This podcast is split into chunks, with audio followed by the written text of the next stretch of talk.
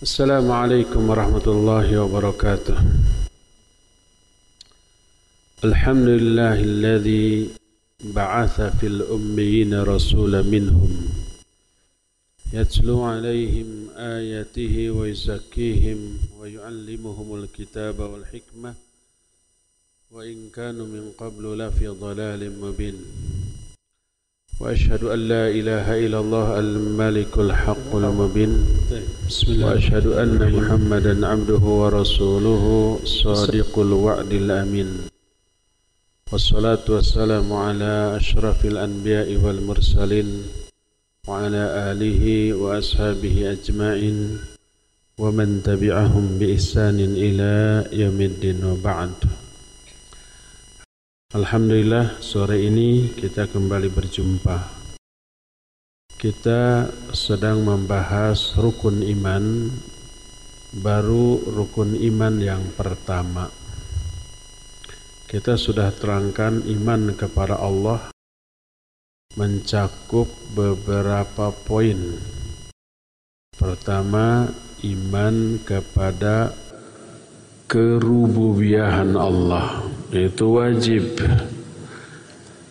iman kepada rububiyah Allah itu mengimani Allah sebagai Rabb Allah sebagai pencipta Allah sebagai penguasa sebagai raja pemberi rizki pengatur seluruh kehidupan dan alam jagat raya ini. Itu berarti mengimani Allah sebagai Rabb dan itu wajib dan keimanan seperti ini juga dimiliki oleh orang-orang musyrik dimiliki oleh orang-orang kafir bahkan orang ateis yang secara lisan mereka tidak mengakui Allah secara verbal mereka mengingkari keberadaan Allah bahkan mengaku dirinya sebagai sesembahan. Seperti siapa? Seperti Firaun. Hanya lisan semata-mata. Karena arogansi karena kesombongan hati kecil mereka meyakini sebagaimana firman Allah wajahadu biha wastaiqanatha anfusuhum zulman wa uluwa Nah, uh, Fir'aun dan bala tentara itu menentang dakwah Nabi Musa wastaiqanatha anfusuhum. Padahal hati-hati mereka meyakini kebenarannya.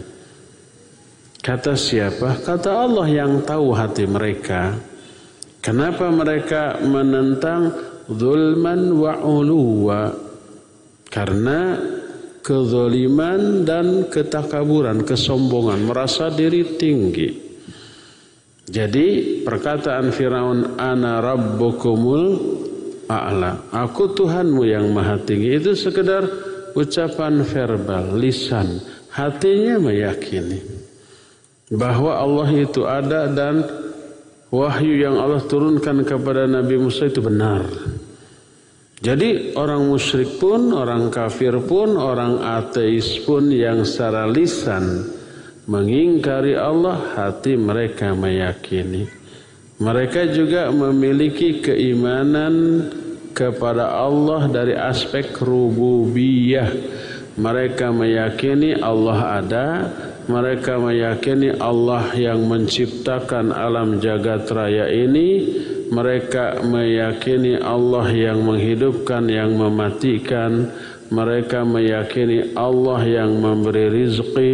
Mereka meyakini Allah yang mengatur seluruh alam dan seluruh kehidupan ini. Jadi kalau kita sebagai orang muslim mengimani Allah sebatas itu saja tidak ada bedanya dengan orang-orang musyrik. Nah, baru aspek yang kedua inilah yang membedakan kita dengan orang-orang musyrik. Apa aspek kedua? mengimani Allah dari aspek al-uluhiyah. Makna al-uluhiyah itu meyakini Allah satu-satunya sesembahan yang hak, sesembahan yang benar, satu-satunya yang layak untuk diibadati. Hanya satu, tidak ada yang lain. Apakah orang musyrik menyembah dan beribadah kepada Allah? Ya. Orang musyrik juga menyembah dan beribadah kepada Allah. Kalau begitu kenapa mereka disebut musyrik? Karena selain ibadah kepada Allah juga ibadah kepada selain Allah. Orang kafir tidak beribadah kepada Allah. Orang ateis meyakini adanya Allah tapi tidak beribadah kepada Allah. Orang kafir meyakini adanya Allah tapi tidak beribadah kepada Allah. Orang musyrik meyakini adanya Allah, beribadah kepada Allah tapi juga beribadah kepada selain Allah. Mereka tidak mengesahkan Allah dalam hal ibadah. Kepada Allah nyembah, kepada selain Allah juga nyembah maka seorang muslim wajib meyakini Allah satu-satunya sesembahan yang berhak disembah. Sesembahan lain yang disembah selain Allah batil. Dzalika bi anna Allah huwal haqq wa anna ma yad'una min dunillah huwal batil. Yang demikian itu karena Allah lah satu-satunya sesembahan yang hak. Adapun yang disembah selain Allah maka itu adalah sesembahan yang batil. Nah, yang demikian berarti sudah mengimani Allah dari aspek al-uluhiyah dan mentauhidkan Allah dalam aspek al-uluhiyah ini. Mentauhidkan itu mengesahkan Allah satu-satunya sesembahan yang hak. Makna al-uluhiyah adalah ibadah sebab al-ilah maknanya al-ma'bud. Al-ilah artinya al-ma'bud. Sesembahan la ilaha tidak ada ilah, tidak ada sesembahan yang hak, yang sebenarnya illallah kecuali hanya Allah semata-mata la syarikalah. Tidak ada sekutu, tidak ada saingan, tidak ada tandingan, tidak ada yang menyamainya. Karena al-ilah adalah al-ma'bud, al-uluhiyah maknanya ibadah, maka mengesahkan Allah dari aspek ini kadang disebut tauhid al-uluhiyah kadang disebut tauhid al-ibadah tauhid uluhiyah sinonim dengan tauhid ibadah karena meyakini Allah satu-satunya ilah Allah satu-satunya sesembahan Allah satu-satunya yang layak untuk diibadati. Apa makna dari ibadah? Secara bahasa ibadah artinya azul. Azul itu rendah atau hina. Tariq mu'abbad maknanya adalah jalan yang merendah, jalan yang mudun, Jalan yang menurun yang semakin lama semakin merendah itu disebut tariq mu'abbad. Jadi secara bahasa ibadah itu maknanya merendah, merendahkan diri di hadapan siapa? Hanya di hadapan Allah Azza wa Jalla. Karena memang layak semua makhluk merendahkan diri, menghinakan diri di hadapan Allah yang maha tinggi dan yang maha agung. Dan mewujudkan sikap merendahkan diri di hadapan Allah itu dalam berbagai macam bentuk. Tidak hanya secara sikap, tapi juga secara fisik. Fisik kita ketika beribadah kepada Allah sampai gimana coba sampai ruku sampai lebih dari ruku yaitu apa? Sujud. Bagian yang paling dimuliakan dari tubuh kita, wajah, kepala kita simpan di tempat yang paling rendah. Yang biasa tempat itu kita injak, kita taruh kepala kita, kita taruh wajah kita di sana di hadapan Allah. Saking merendahnya Saking menghinakan dirinya di hadapan Allah Subhanahu wa taala. Jadi kita aplikasikan sikap merendah di hadapan Allah dalam berbagai macam bentuk karena itulah hakikat dari ibadah. Jadi makna ibadah secara bahasa artinya merendah. Adapun makna ibadah secara syar'i, secara istilah. Ada makna ibadah secara term terminologi ada secara etimologi, secara bahasa dan secara istilah. Secara bahasa artinya merendah atau menghinakan diri. Adapun secara istilah para ulama mendefinisikan ibadah dengan definisi yang beragam. Susunan kalimat yang berbeda tapi inti maknanya sama. Khilaful lafzi nafsul makna. Berbeda redaksional, berbeda susunan kalimat, tapi maknanya sama. Coba aja kita lihat nanti ya. Sebagian ulama seperti Imam Ibnu Qayyim rahimahullahu taala Beliau mendefinisikan ibadah dengan makna kamalul hubbi ma'a kamalil khudu. Kesempurnaan rasa cinta dibarengi dengan sempurnanya sikap merendah. Ada cinta yang sempurna, yang besar kadarnya dibarengi dalam waktu yang bersamaan dengan sikap merendah dan menghinakan diri di hadapan Allah SWT. Itu makna ibadah. Yang lain seperti apa yang dikatakan oleh Syekhul Islam Ibn Taimiyah rahimahullahu ta'ala dalam kitab Al-Ubudiyah diterangkan dalam Majmul Fatawa dijelaskan dengan kalimat yang sama ya Beliau mendefinisikan ibadah dengan definisi yang lebih luas, lebih mencakup. Kata beliau, al-ibadatu hiya ismun jami'un li kulli ma yuhibbuhu Allah wa yardah minal aqwali wal a'mal al-zahirati wal batinah. Ibadah itu sebutan kata yang mencakup segala sesuatu yang dicintai oleh Allah dan yang diridhoi oleh Allah baik ucapan ataupun perbuatan baik aspek dohir ataupun aspek batin. Ucapan ataupun perbuatan baik lahir ataupun batin yang dicintai dan diridhai oleh Allah maka itu ibadah apa pun bentuknya.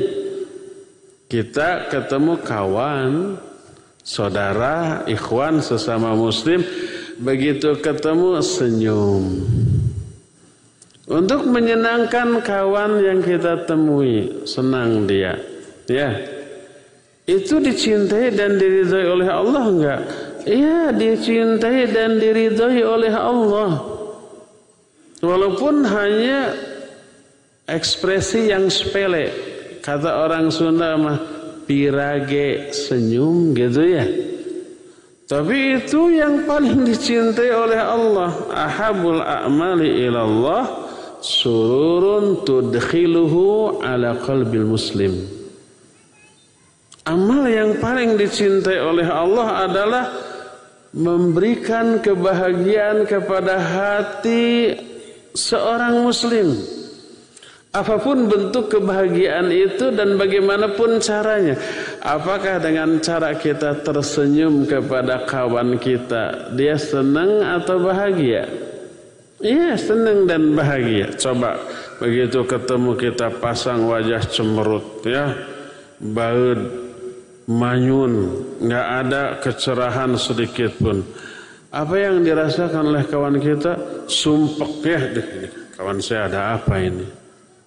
Tapi begitu senyum, maka dia senang. Itu ibadah. Segala sesuatu, ucapan ataupun perbuatan lahir ataupun batin yang dicintai dan diridhoi oleh Allah Azza wa Jalla maka itulah ibadah umpamanya ucapan atau perbuatan batin tidak diketahui oleh orang lain tapi ada dalam diri kita maka itu juga ibadah contohnya apa husnudzon kepada setiap orang Contohnya lagi apa? Mencintai sesama muslim. Contohnya lagi apa? Ya banyak amalan-amalan hati yang kita bahas setiap hari Kamis di sini ya. Sore hari di sini. Ya, ikhlas, mahabbah, khauf, roja, tawakal dan yang sejenisnya itu amalan hati yang Allah ridhai, Allah sukai. Ah, itu juga ibadah. Ta'rif ini, definisi ibadah seperti yang barusan diterangkan, itu ta'rif yang mencakup, yang lebih lengkap, ya. Apakah ta'rif ini bertolak belakang dengan ta'rif atau definisi yang dikemukakan oleh Imam Ibn Qayyim tadi? Tidak. Imam Ibn Qayyim tadi menyatakan ibadah itu adalah kamalul hubbi ma'a kamalil khudu' sempurnanya rasa mencintai dan sempurnanya sikap merendah. Ini hanya ungkapan yang berbeda redaksional, tapi maknanya adalah sama. Maka berkata muallif hafizahullahu taala لأن الحب التام مع الذل التام يتضمن طاعة المحبوب والانقياد له. فالعبد هو الذي ذل له الحب والخضوع لمحبوبه. فبحسب محبة العبد لربه وذله له تكون طاعته. فمحبة العبد لربه wadhilluhu lahu yatadammani ibadatahu lahu wahdahu la syarikalah karena rasa cinta yang sempurna dibarengi dengan merasa hina dan rendah yang juga sempurna. Cinta kepada Allah sempurna merasa hina di hadapan Allah sempurna maka akan mengakibatkan ketaatan, ketundukan kepada yang dicintai.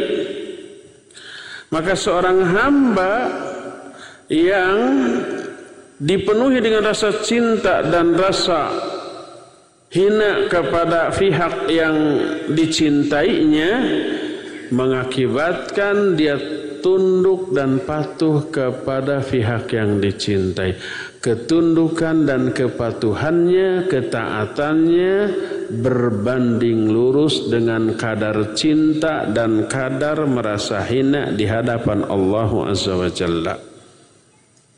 Jadi sehebat apa ibadah kita cermin dari seberapa besar cinta kita kepada Allah dan sikap merendah kita kepada Allah Subhanahu wa taala. Lalu ibadah yang diperintahkan yang mengandung dua unsur tadi maka wajib dibangun di atas tiga rukun. Tiga rukun ini tidak boleh lepas dari ibadah yang kita lakukan.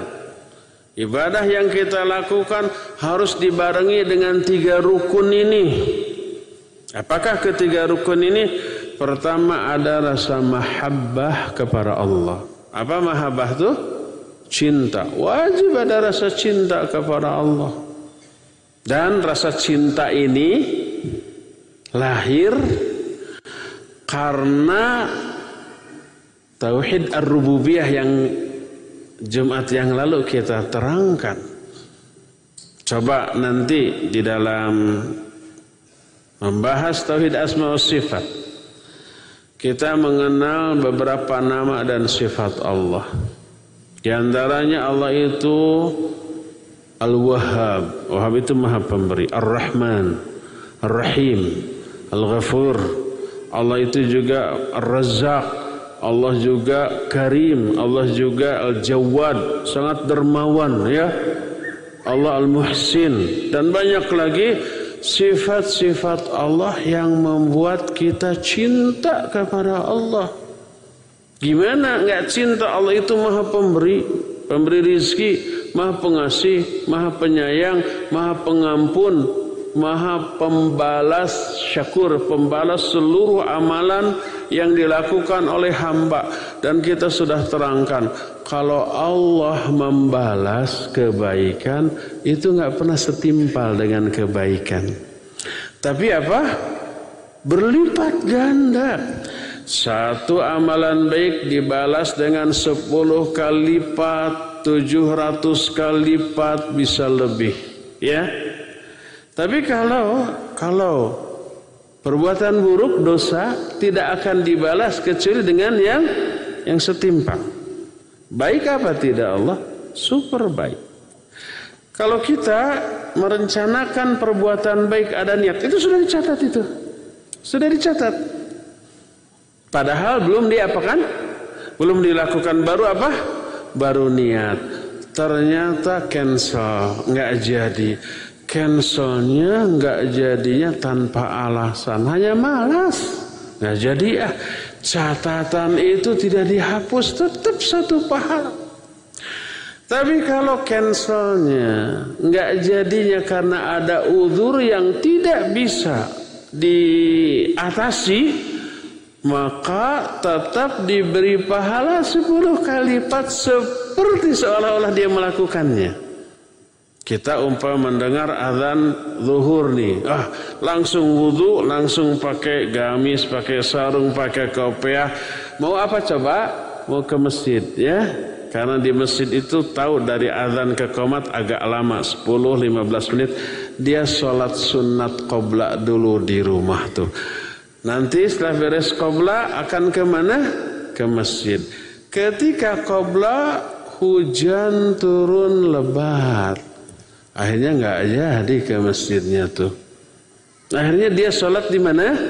Di rumah. Niatnya untuk ke masjid di cancel. Dibatalkan karena ada apa? Ada udur. Pahalanya sama dengan ke masjid atau cuma satu? Sama dengan ke masjid. Jadi kalau ada niat terus nggak jadi dilaksanakan karena ada uzur, pahalanya utuh. Bayangkan, baik nggak Allah? Baik. Allah Maha Pemberi rizki. Kemarin hari Kamis ya kita membahas masalah syukur. Tidak ada yang lebih sabar dari diri Allah Azza wa Jalla. Allah disakiti dengan ucapan-ucapan yang Allah dengar. Allah tetap memberi rizki kepada orang yang menyakitinya. Ada nggak orang yang menyakiti Allah Azza wa Jalla? Ada. Bagaimana ucapan yang menyakiti Allah itu? Mereka mengatakan Allah punya anak. Menyakiti enggak? Iya, menyakiti. Subhanah Bal ibadum mukramun. Itu orang musyrik yang ngomong Allah punya anak. Yang dimaksud Allah punya anak itu para malaikat itu oleh mereka dianggap anak-anak Allah dan berjenis kelamin apa? Wanita. Innal ladzina la yu'minuna bil akhirati yusammunal malaikata tasmiyatal untha. Orang yang tidak beriman kepada hari akhirat itu menamai malaikat dengan sebutan perempuan. Malaikat itu mereka yakini berjenis kelamin perempuan. Bersayap bisa terbang. Di tangan kanannya ada tongkat, di ujung tongkatnya ada bintang, di atas kepalanya ada lingkaran putih. Itu kan yang mereka bayangkan tentang malaikat ya. Karena memang begitulah keyakinan mereka dan itu mereka sebut anak-anak Allah. Wa qalu ar-rahmana walada. Wa qalu ar-rahmanu walada. Mereka berkata Allah punya anak. Anak itu siapa? Para malaikat. Allah membantah subhanah maha suci Allah dari tuduhan mereka. Bal ibadum mukramun. Bahkan para malaikat itu hamba-hamba Allah yang dimuliakan. Bukan anak Allah. Ucapan itu meyakini.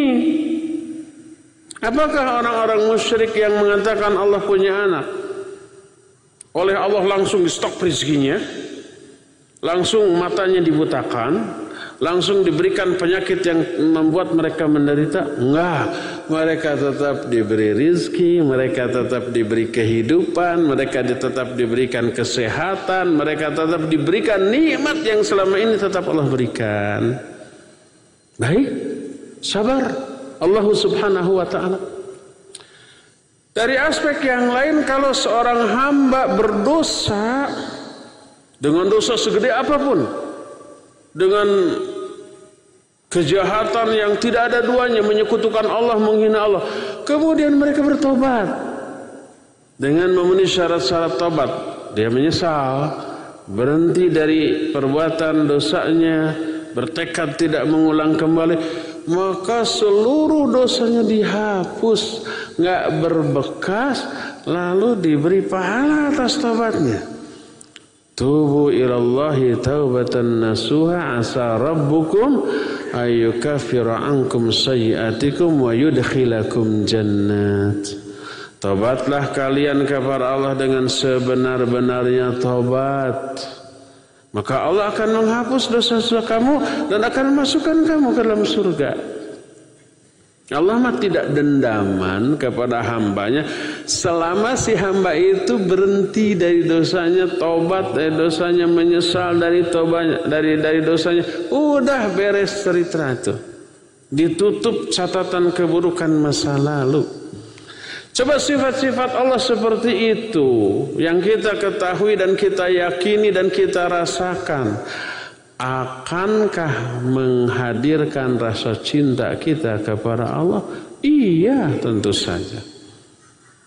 Gimana hamba tidak cinta kepada Allah yang memiliki sifat-sifat seperti itu? Makanya kalau umpamanya kita ya ada ketemu orang saja orang sahabat atau kawan, kawan itu baik bingit kepada kita selalu husnudhan kepada kita, selalu memberi kepada kita. Setiap ketemu assalamualaikum merangkul kemudian salaman, salam tempel ada amplop segepok 100 juta. Itu dilakukan setiap hari bayangkan. Ya, setiap hari datang umpamanya memberi kue, memberi makanan. Kita suka nggak ke dia? Iya suka. Kita sayang nggak? Sayang. Pas kita umpam melakukan kesalahan, kita aduh maaf ya. Oh nggak apa-apa saya maafkan gitu ya. Kita umpamanya bersalah tapi tidak minta maaf. Ah, pokoknya saya nggak mau minta maaf. Dia tidak langsung membalas dengan kejahatan. Tetap memberi kepada kita. Suka nggak kita kepada dia? Ya suka. Cinta nggak? Cinta kepada dia. Padahal nggak seberapa pemberiannya. Allah itu lebih dari begitu. Kita durhaka kepada Allah, Allah tetap memberi nikmat kepada kita.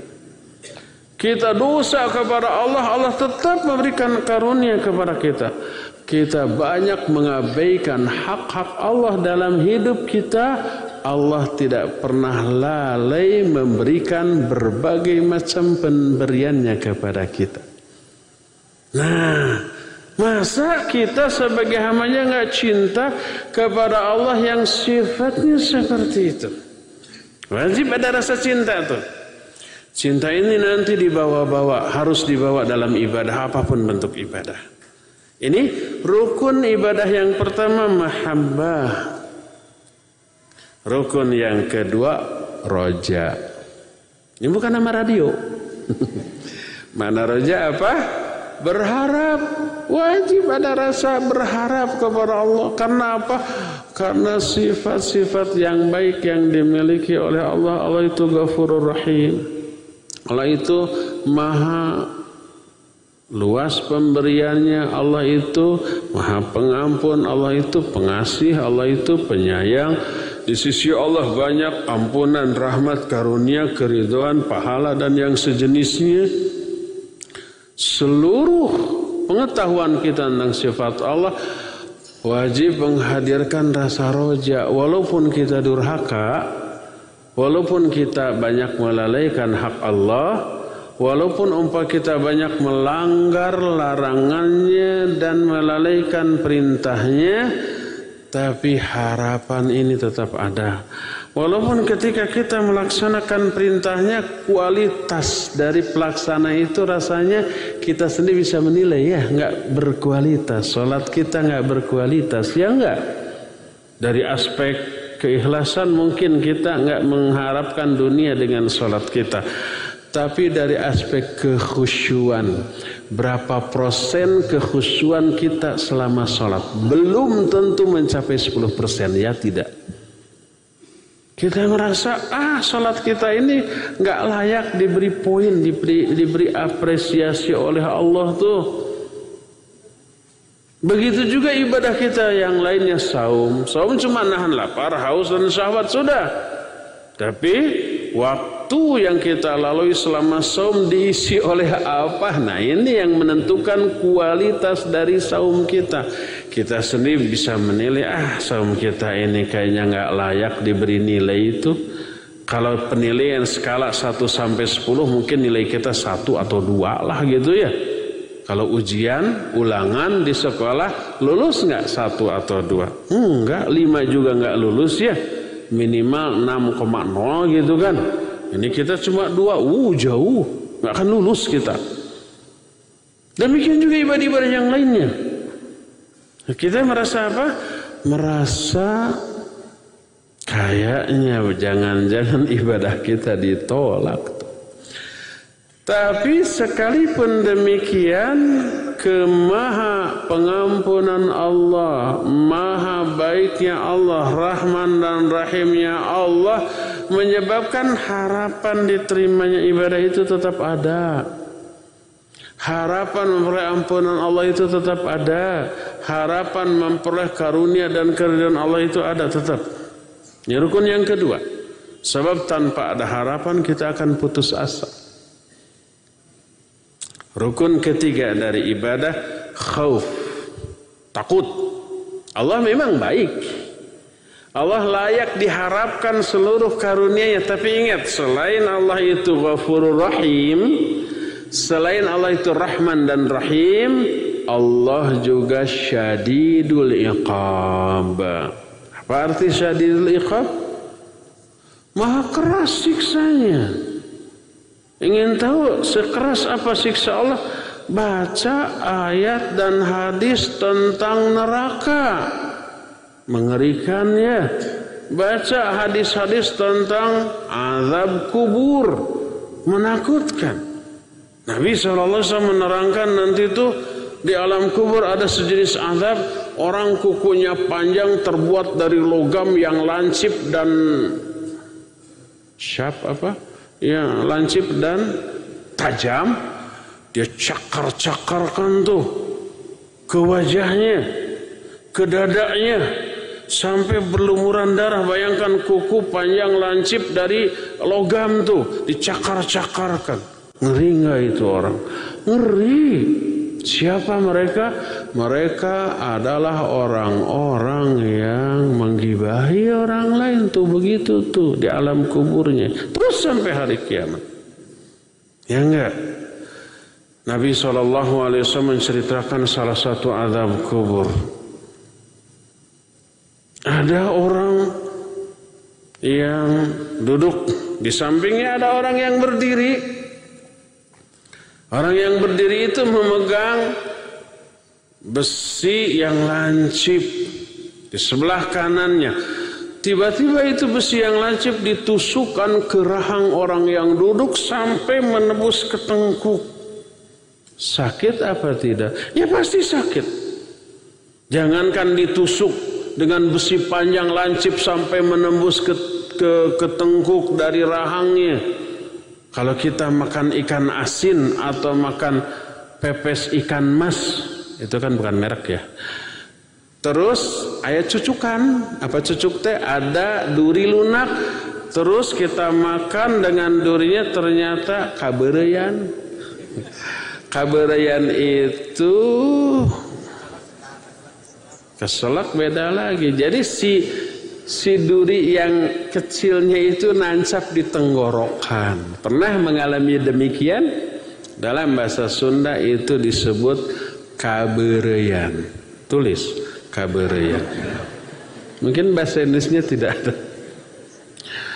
Tersiksanya kita ya.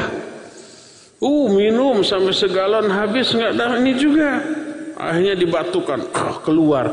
Cuma sekecil rambut ya enggak? Tapi menderitanya luar biasa. Ada nggak orang keselak duri sampai dioperasi? Ada? Ada. Menderitanya luar biasa. Bayangkan ini dengan besi yang runcing dan panjang ditusukkan ke rahang tembus ke tengkuk. Terus dia cabut lagi. Menusukkannya sakit, mencabutkannya, mencabutnya sakit juga. Dia pindah ke kiri, tusuk lagi rahang kiri, terus sampai ke tengkuk. Cabut lagi, pindah lagi ke kanan, terus begitu. Nabi SAW sampai ngeri melihatnya. Nanya ke Jibril yang waktu itu mendampinginya. Di akhir hadis itu dikatakan, itu azab kubur bagi para pendusta. Ngeri nggak? Menurut kita lah cuma bohong ya. Masa sampai begitu? Sampai begitu itu belum apa-apa. Itu hanya di alam kubur, belum di alam akhirat. Syadidul iqab. Maha keras, maha dahsyat siksanya. Hmm? Selain Allah syadidul iqab, Allah juga maha pencemburu. Kecemburuan Allah muncul bila seorang hamba mendatangi larangan Allah melanggar larangan Allah Allah maha cemburu. Suatu saat Nabi SAW mendengar seorang sahabat namanya Sa'ad. Dia menyatakan, Wallahi, demi Allah kalau aku melihat ada seorang lelaki yang berdua-dua dengan istriku, aku penggal lehernya dengan bagian tumpul dari pedangku. Kalau dipukul, Eh, lehernya dengan bagian tumpul dari pedangnya mati apa tidak? Mati tapi nggak langsung loh. Mau coba? Apa uh, apa lepas nggak kepalanya? Enggak, tapi patah lehernya. Nggak langsung mati menderita dulu tuh. Berbeda dengan bagian tajam, cek buntung langsung mati. Ini bagian bagian tumpulnya, patah Gak langsung mati menderita dulu. Coba pilih. Kalau disabet sama pedang, mending bagian tajamnya atau mending bagian tumpulnya? Jangan pilih dua-duanya. Gak enak. Tapi dengan bagian tumpulnya lebih menderita tuh. Ya. Itu kenapa saat ngomong begitu saking besar rasa cemburunya. Apa kata Nabi SAW? Atajabu bi ghairati sa'ad fawallahi ana aghyaru minhu fawallahi Allahu aghyaru minni. Kalian takjub enggak dengan kecemburuan Sa'ad? Demi Allah aku lebih cemburu daripada Sa'ad. Aku lebih pencemburu daripada Sa'ad. Dan demi Allah Allah lebih pencemburu daripada aku. Jadi Allah maha pencemburu kata Nabi alaihi salatu wassalam dan kecemburuan Allah itu muncul ketika seorang hamba mendatangi larangan Allah untuk dilanggar. Nah, Allah syadidul iqab, Allah itu maha pencemburu dan Allah itu maha pembalas sekecil apa pun keburukan yang dilakukan oleh manusia, nggak luput dari balasan Allah Azza wa Jalla. Inna minal mujrimina muntaqimun kami kepada orang-orang durhaka itu maha pembalas. Wa may ya'mal mithqala dzarratin syarran yara. Siapa yang beramal dengan amal keburukan walaupun sekecil debu, dia akan melihat akibatnya.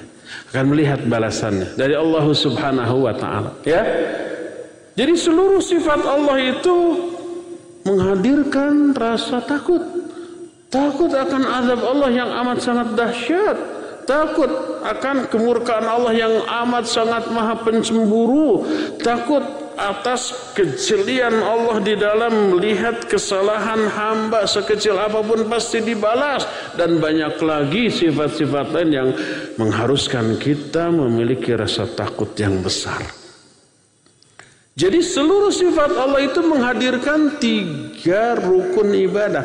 Wajib ada rasa mahabbah, wajib ada rasa roja, wajib ada rasa khauf. Bahwa tiga-tiganya dalam beribadah kepada Allah Azza wa Jalla.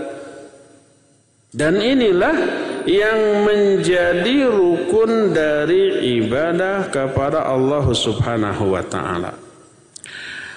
Maka berkata muallif rahimahu rahafidhahullah fa ibadatullah bil hubbi faqat hiya tariqatus sufiyyah wa ibadatuhu bir raja wahdahu tariqatul murji'ah wa ibadatu bil khawfi faqat tariqatul khawarij.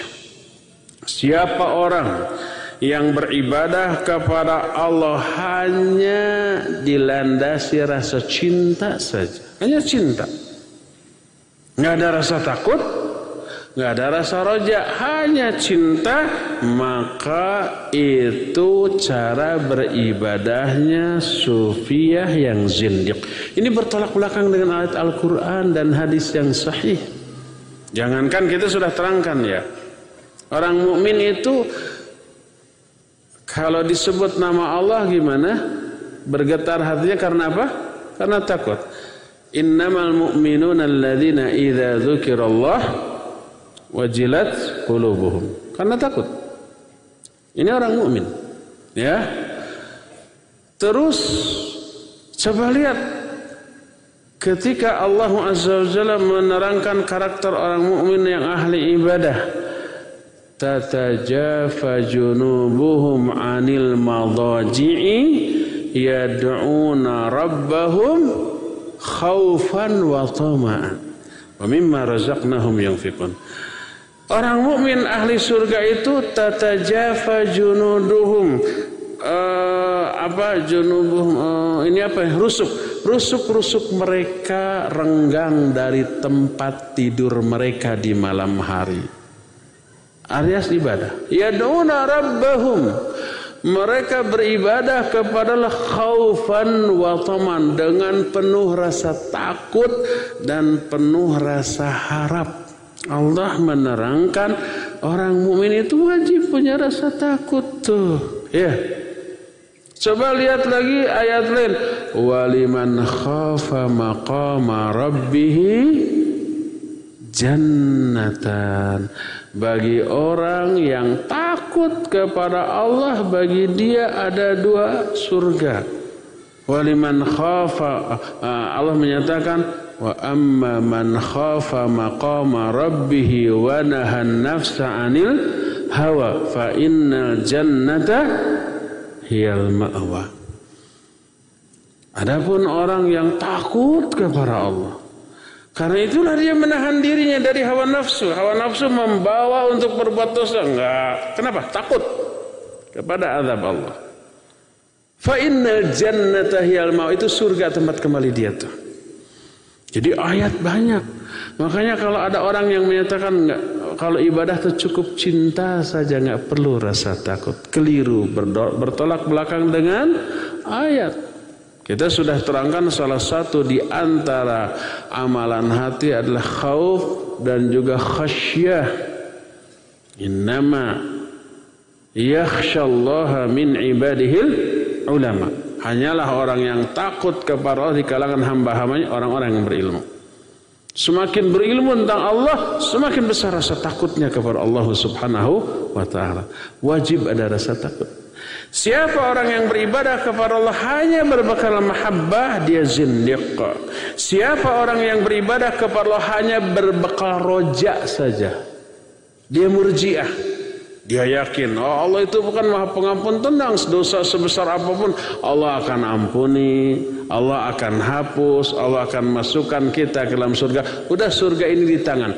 Nggak ada rasa khauf, nggak ada rasa mahabbah, dia murjiah. Dan siapa orang yang beribadah kepada Allah hanya berbekal khauf saja nggak ada mahabbah, nggak ada roja, maka dia khawarij. Ahlu sunnah adalah orang yang beribadah kepada Allah dengan disertai tiga rukun ibadah tadi ada mahabbah, ada khauf dan ada roja. Lalu nanti timbul pertanyaan, apakah kadar dari ketiga hal tadi harus sama rata? Ya umumnya dalam kondisi normal sama rata. Tapi sama ratanya bukan 33% sewang 100% sewang. Nah karena perasaan tidak bisa dihitung secara matematis ya kalau kita punya anak yang pertama Cinta kita berapa persen ke anak pertama? 100 persen. Lahir anak kedua. Apakah cinta kita ke anak pertama berkurang dibagi dua ya maaf 50% untuk kamu 5% untuk adikmu apakah begitu? Enggak ke anak pertama 100% ke anak kedua juga 100% ya enggak? Sampai 10 anak sama semuanya 100% saya tidak mau memberikan contoh ke istri. Cukup ke anak saja.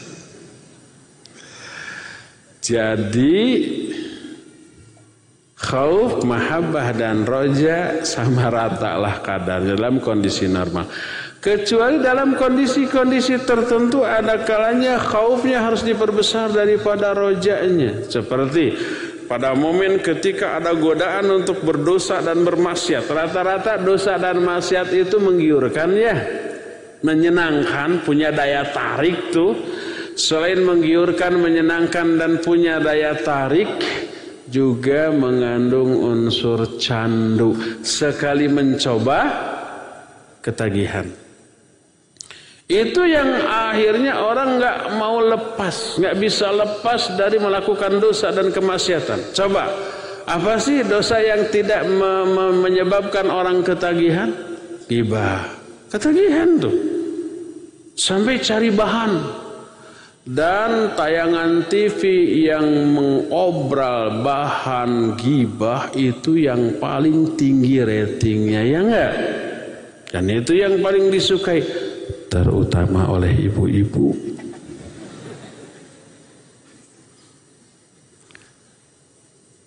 Itu mengandung unsur candu. Kalau nggak gibah nggak seru.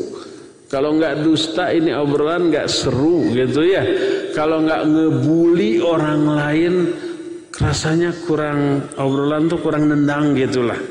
Kurang rame gitu ya. Demikian juga orang mencuri, orang mencopet, dan mencuri mencopet itu tidak hanya di bis kota, tidak hanya di angkot, tidak hanya di kereta, tapi di masjid juga ada. Ada pencurian di masjid? Ada. Kenceleng dibongkar banyak. Sendal setiap pengajian ada selalu yang hilang. Saya sudah tiga kali. Bukan dendam kepada pencurinya. Tapi harus hati-hati. Ah, Ketika ngaji gini canceling lewat, orang masih sibuk ngisi, ngisi, ngisi ini mah pas lewat dituruban aku sarung. Ditutup sama jilbab itu kalau akhwat. Akhwatnya bercadar pas ngaji. Kerudungnya lebar biar aman.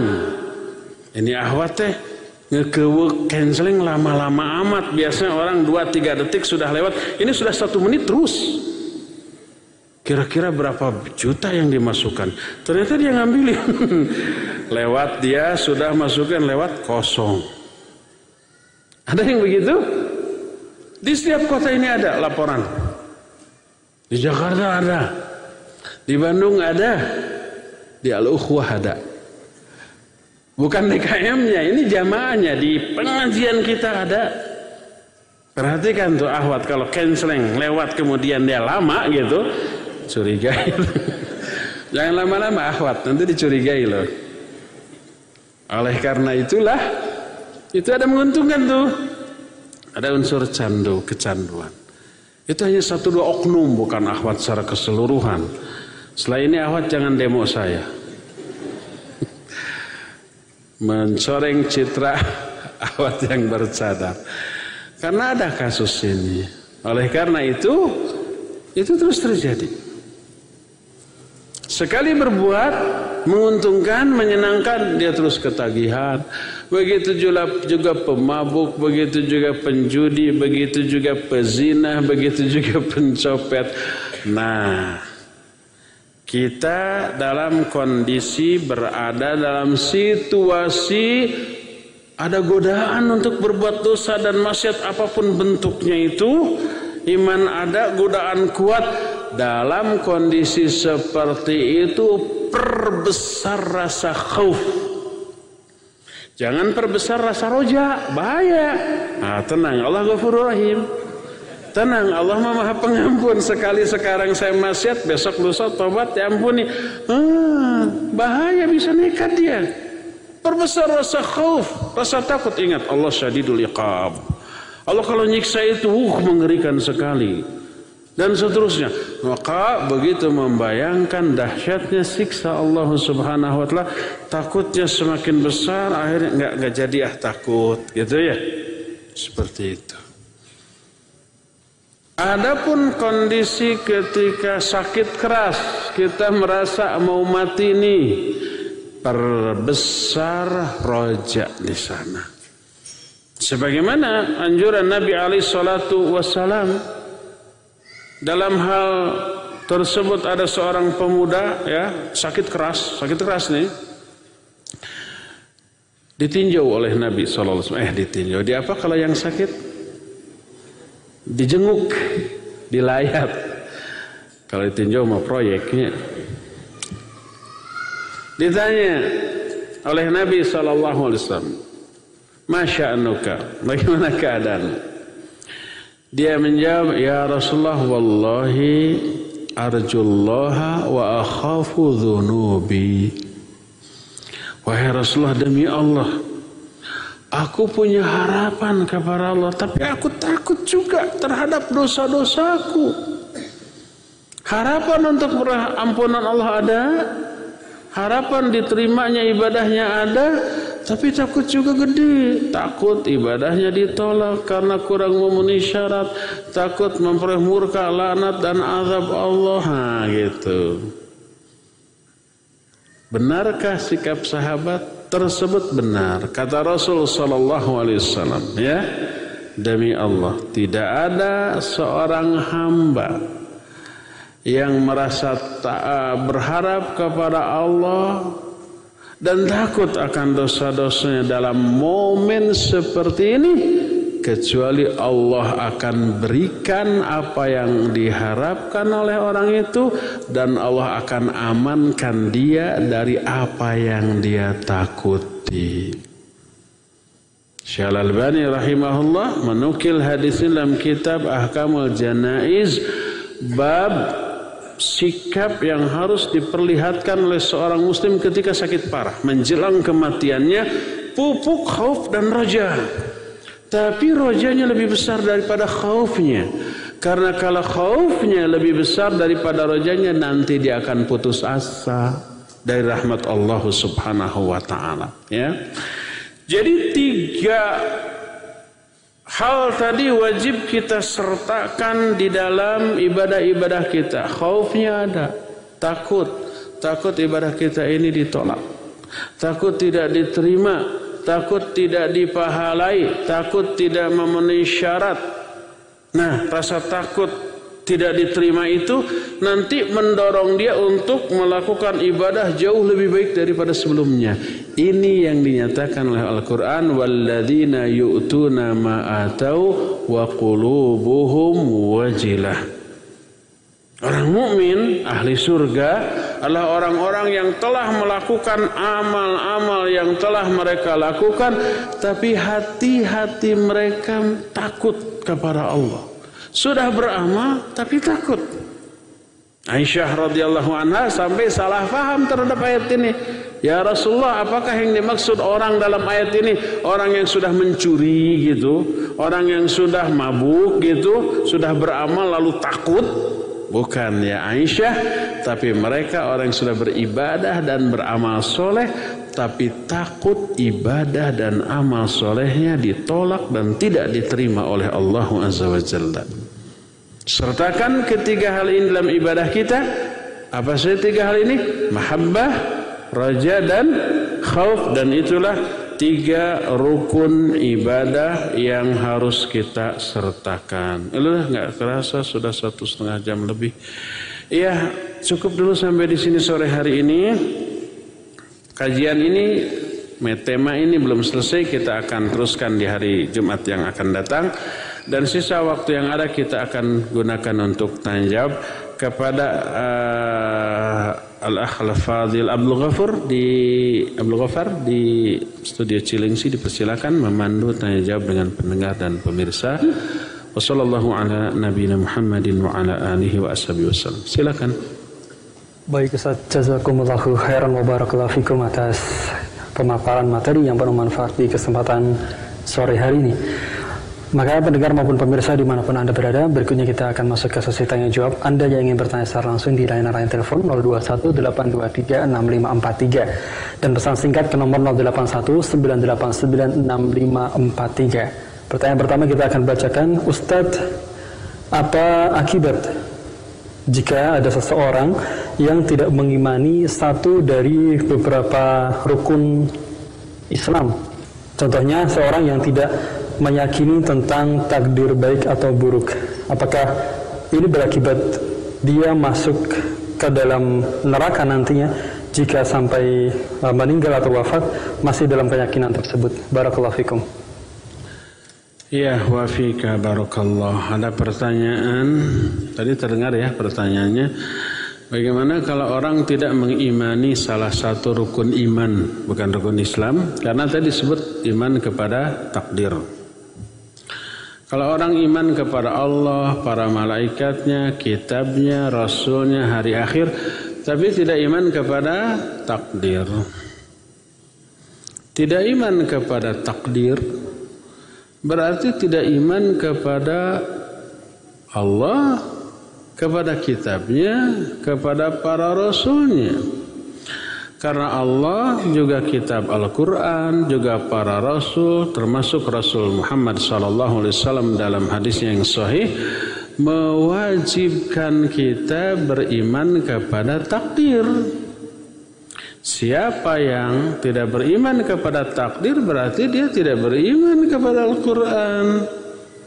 Tidak beriman kepada para Rasul, tidak beriman kepada Allah Subhanahu wa Ta'ala. Ya, Nanti lebih detailnya kita akan terangkan ketika menjelaskan bab iman kepada takdir.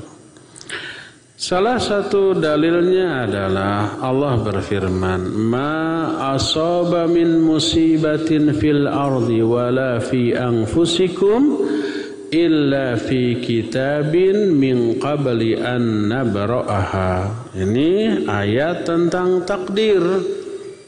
Ma'asaba min musibatin fil ard. Tidak ada satupun kejadian yang terjadi di muka bumi. Wala fi anfusikum atau yang menimpa diri-diri kalian.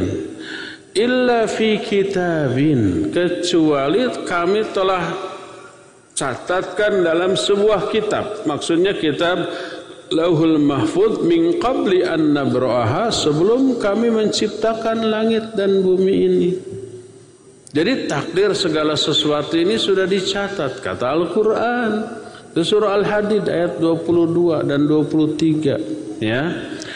Ketika merangkan ayat ini Nabi SAW menyatakan Innallaha khalaqal khalqa wa qaddara maqadirahu min qabli ayakhluqas samawati wal ardi khamsina alfasana. Hadis ini sahih riwayat Imam Muslim.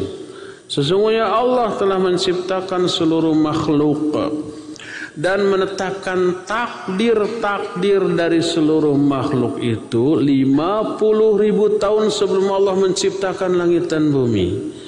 Langit dan buminya belum ada, tapi perencanaan tentang apa yang akan terjadi di langit dan di bumi itu 50 ribu tahun sebelumnya itu sudah dirumuskan, sudah dicatatkan.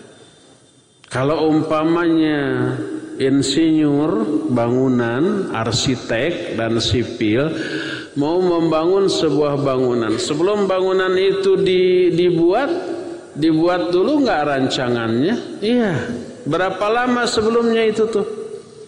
Dua tahun atau beberapa tahun sebelumnya ya? Secara detail konstruksi fondasinya gimana, bahan besinya ukurannya segimana, semen dan adukannya segimana, itu kan detail ya. Terus termasuk tidak hanya fisik bangunan tapi juga amdal.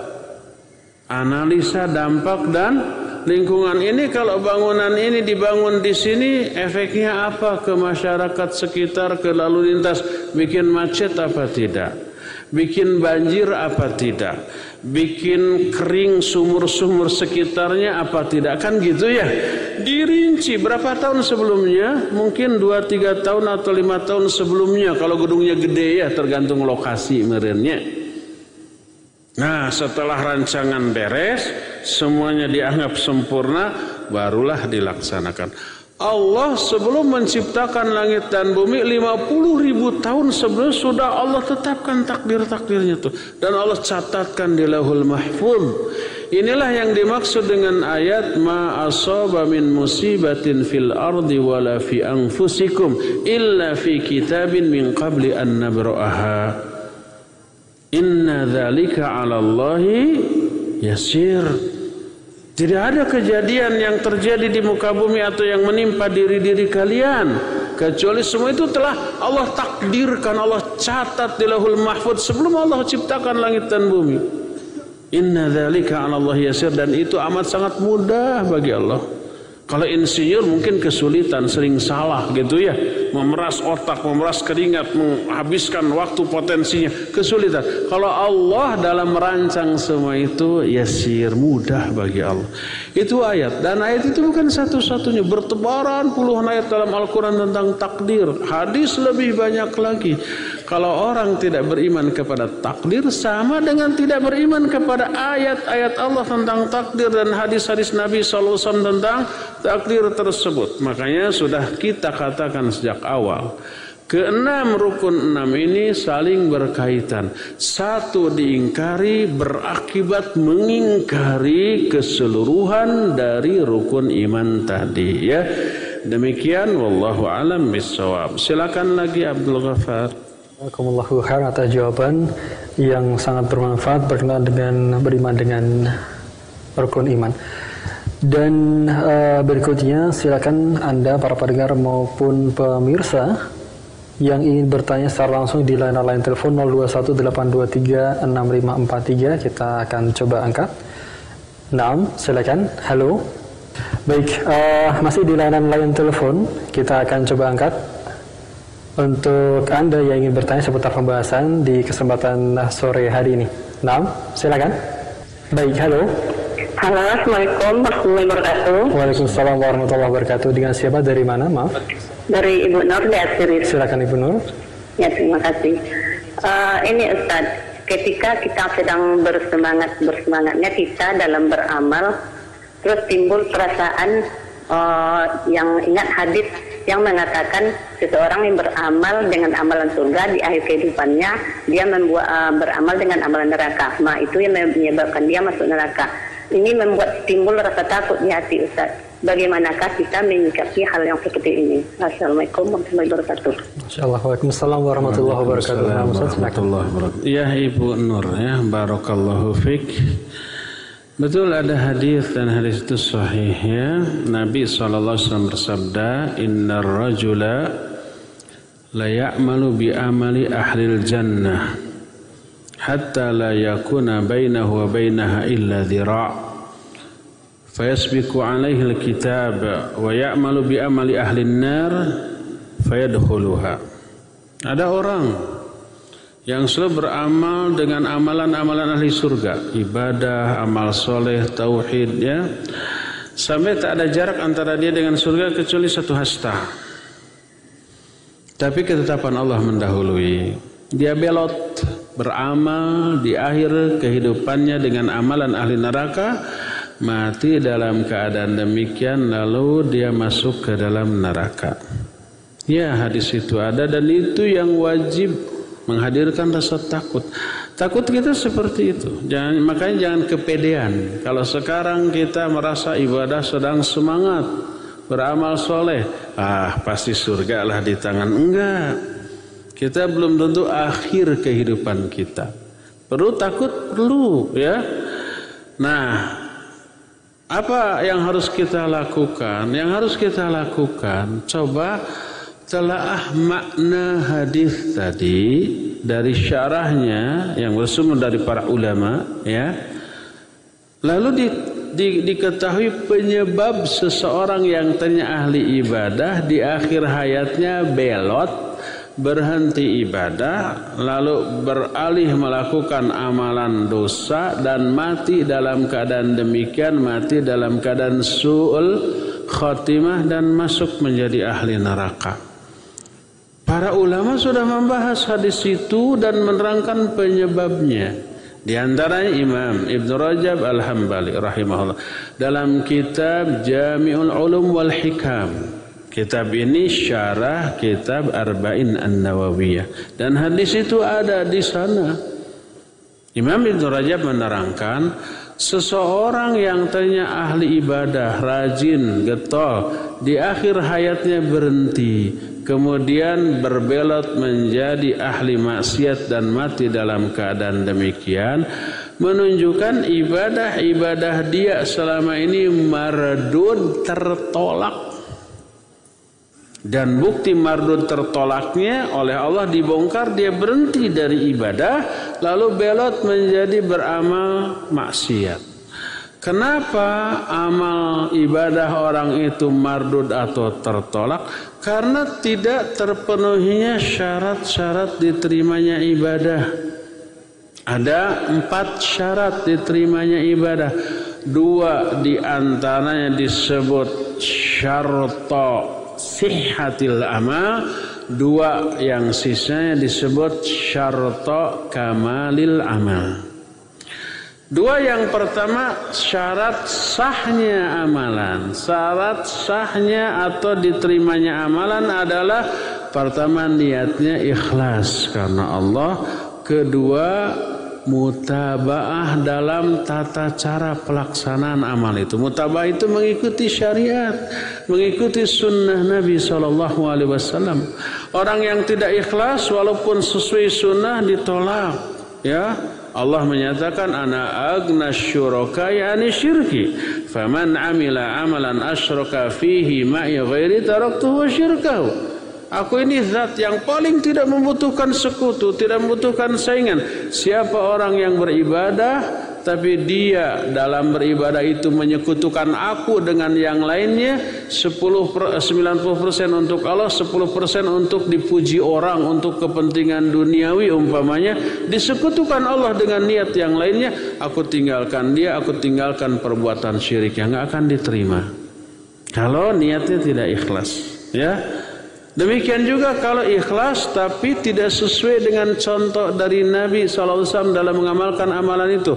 Man amila amalan laisa alaiha amruna fahuwa raddun. Man ahdatha fi amrina ma laisa minhu fahuwa raddun. Dua hadis itu senada, semakna, sahih dua-duanya. Siapa yang mengamalkan satu amalan tapi dia tidak mencontoh aku dalam melaksanakan amalan itu, amalan itu tertolak. Jadi kalau dua syarat ini tidak terpenuhi ditolak, ditolak. Dia tidak sadar itu ditolak. Dan Allah membuktikan tertolaknya orang itu dengan cara suatu saat dia berhenti dari ibadah dan belot menjadi maksiat. Ya, Nah, itu dua syarat sahnya amalan. Adapun dua syarat sempurnanya amalan pertama adalah al-akhdhu bil quwwah atau al-jidd wal ijtihad. Pertama, bersungguh-sungguh dalam melakukan amalan. Amalan yang dilakukan tidak sekedar ikhlas dan sesuai sunnah, tapi asal-asalan. Ala kadarnya enggak, tapi harus dengan kesungguh-sungguhan. Khudil kitaba biquwwah Ambil ini kitab dengan sepenuh kekuatanmu, semaksimal kemampuanmu. Jangan asal-asalan, jangan ala kadarnya. Sesuai dengan sunnah, ikhlas tapi asal-asalan. Nggak diterima juga bisa-bisa ya. Kedua, musara'ah au musabaqah. Bersegera dalam melakukan amal baik itu harus sesegera mungkin jangan ditunda dinanti-nanti jangan taswif. Taswif itu nantilah nantilah, tidak segera. Kata orang Sunda mah telengle, talangke, hararese, kudu diteke, bikin bete. Allah berfirman dalam Al-Quran, Wasari'u ila magfiratin min rabbikum wa jannatin arduha samawati wal ardu iddat lil muttaqin. Bersegera kamu menuju ampunan Allah dan menuju surga menuju ampunan Allah itu artinya bersegera melakukan ibadah, amal soleh dan kebaikan. Itu yang membuat Allah menurunkan ampunan dan memasukkan dia ke surga. Ya. Terus dalam ayat lain surah Al-Hadid lafadznya sedikit berbeda. Sabiqu ila magfiratin min rabbikum wa jannatin arduha ka'ardi sama'i wal ard. Lil ladzina amanu billahi wa rusul. Berlomba-lomba kalian menuju ampunan Allah dan menuju surga. Ya, maknanya sama, bersegera. Jangan ditunda-tunda. Fala taniya lidzikri, jangan kamu lelet di dalam mengingatku. Adanya perintah bersegera, adanya larangan lelet menunjukkan wajib bersegera. Walaupun sesuai sunnah, walaupun ikhlas, sungguh-sungguh tapi ditunda-tunda. Ini juga ada unsur mengabaikan ya. Penuhi empat syarat dalam melakukan ibadah. Pertama ikhlas. Kedua mutabaah. Ketiga bersegera. Keempat apa? Bersungguh-sungguh. Jangan asal-asalan jangan ala kadarnya. Keempat ini kalau terpenuhi insya Allah ibadah itu diterima oleh Allah kalau tidak memenuhi keempat-empatnya hanya sebagian saja maka terancam tertolak kalau tertolak nanti dia akan berhenti di tengah jalan dan belot kepada kemaksiatan. Nah, kita sudah tahu orang-orang yang di akhir hayatnya belot dan mati dalam keadaan su'ul khatimah adalah orang-orang yang tidak memenuhi persyaratan diterimanya ibadah tadi. Kita tinggal sungguh-sungguh saja memenuhi keempat syarat diterimanya ibadah. Insya Allah kita tidak akan su'ul khatimah. Insya Allah kita akan istiqamah dan mati dalam keadaan husnul khatimah. Ya, semoga Allah mewafatkan kita dalam keadaan husnul khatimah. Allahumma rizukna husnul khatimah waj'alna bi rahmatika min ahlil jannah. Ya Allah rizkikan kepada kami mati dalam keadaan husnul khatimah dan jadikan kami dengan rahmatmu menjadi para penghuni surga ya. Cukup sampai di sini saja waktunya sudah mencukupi insyaallah kita akan teruskan hari yang akan datang. Subhanakallahum bihamdik asyhadu an la ilaha illa anta astaghfiruka wa atubu ilaika alhamdulillahi rabbil alamin wassalamu alaikum warahmatullahi wabarakatuh